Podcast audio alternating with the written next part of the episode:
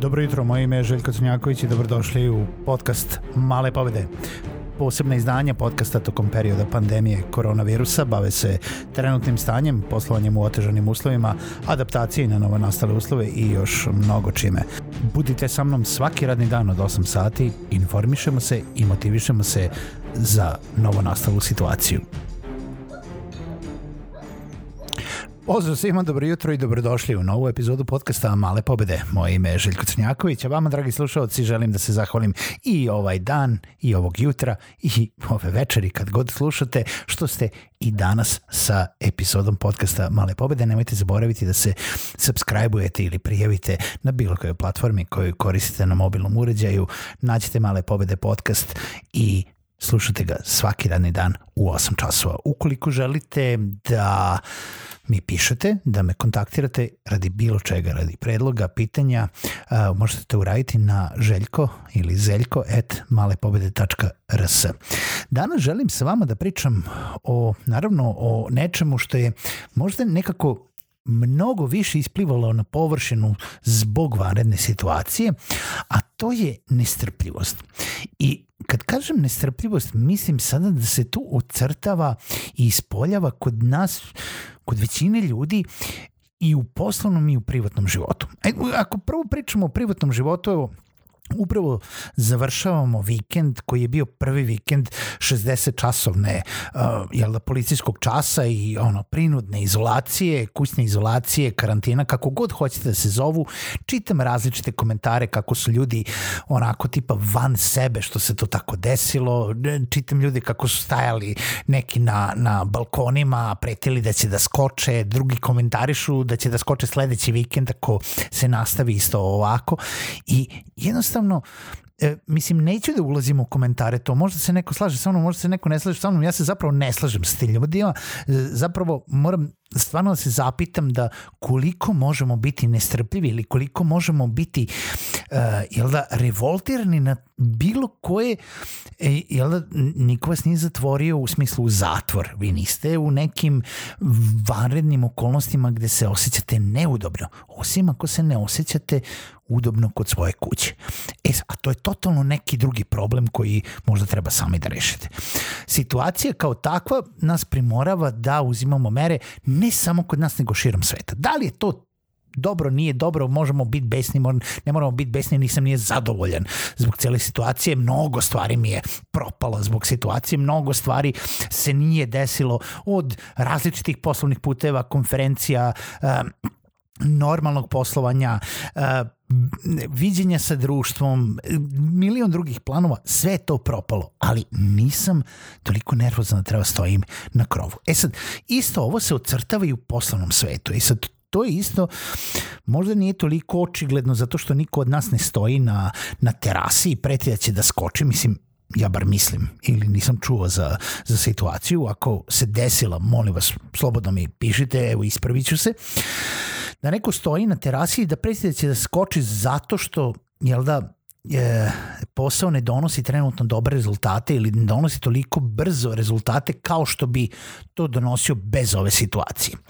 Ali možemo da primetimo ja to vidim po sebi, ja ću prvi da kažem da ja uh, jesam nesrpljiv. Čim osetim neku, neku pauzicu u poslu, neku nepredvidivost, negde gde osjećam da šlajfujem, makar to bilo samo tri dana šlajfovanja, ja počnem da budem nesiguran, počnem da se vrpoljim, počnem da gledam na milion drugih načina i sad mnogi od vas će se prepoznati u ovome i reći će to nije dobro.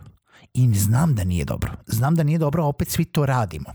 To jest, dosta veliki broj ljudi radi, a ne bi trebalo da radi. Jer sećate se i pričali smo o tome, i pričao sam i pokušavam i sam sebi da pričam o tome, da jednostavno kada počnete nešto da radite u poslu, pustite marketing kampanju, vi morate da sačekate da ta marketing kampanja da rezultat. Ali nebitno, ukoliko pogotovo zbog sad vanredne situacije, veliki biznisi su stali da troše pare, mali biznisi pokušavaju da nađu još projekata, oni koji su jel, zavisni od toga da fizički se dolazi u radnju, uh, jel su morali da zatvore, morali su možda nekoga da otpuste ili da, da stave na pauzu, ne mogu dovoljno brzo da se prilagode situaciji. Oni koji se prilagode situaciji ne vide dovoljno brzo rezultate, to jest neki. Neki vide i oni se osjećaju možda e, dobro ili se osjećaju tako da idu u korak ili idu u pravom smeru. Ali kad počnete da, da, da planirate različite stvari, makar i nove kampanje ili neke nove usluge i ne počnu da donose odma rezultate, tipa odma čim ste uložili neko svoje vreme u njih, vi se osjećate nervozno. Da li sam uložio pare vreme, resurse na dobro mesto? Da li sam doneo pravu odluku?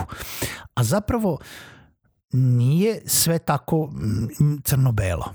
Morate sačekati jedno vreme da se desi nešto.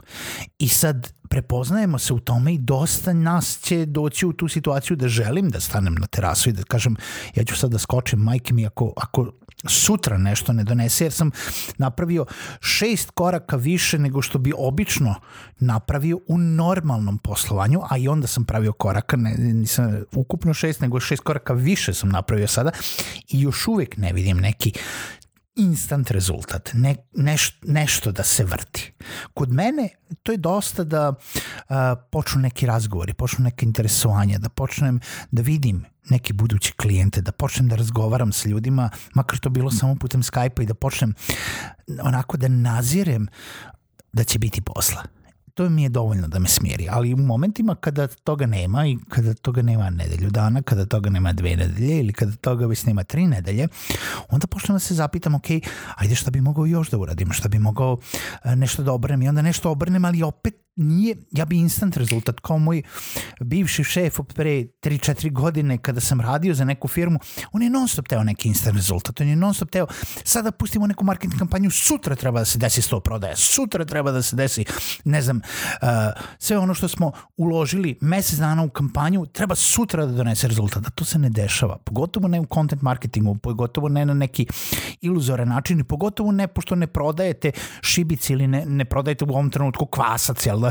koji ima svima treba ili, ili maske ili rukavice ili ne, može svako to da krene da pravi. Mogu kinezi, mogu uh, neki oni koji vode svoje shopove, to oni mogu, ali mi ne možemo ne možemo odmah. Ne, i ne treba svi da uđemo, ko što ne treba svi da budemo preduzetnici, ne treba svi da budemo pekari, ne treba svi da proizvodimo maske i rukavice, naćemo nešto što možemo da proizvodimo. I, i sad se vidi da evo polako me hvata nervoza i oko ovoga. I da li treba da sad um, pustim kurs za podcast? I nije odmah, odmah nije kupilo tu 100 ljudi odmah.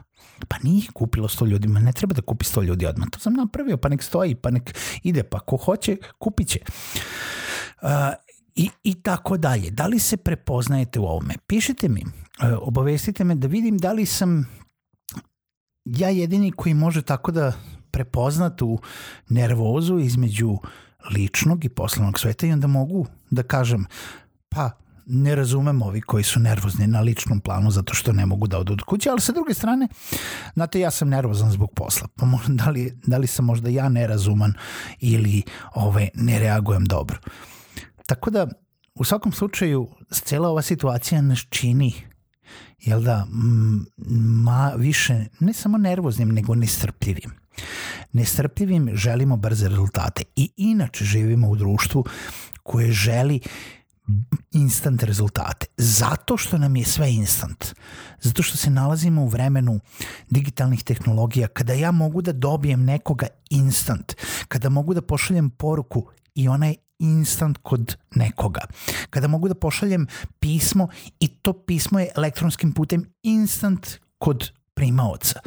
Kada mogu nekoga da nazovem i dobijem ga instant zato što nosi mobilni uređaj. Pa zašto onda ne mogu instant da imam rezultate u poslovnom smislu i onda postanemo nestrpljivi. Postanemo nestrpljivi i u privatnom planu, postanemo nestrpljivi i u poslovnom planu.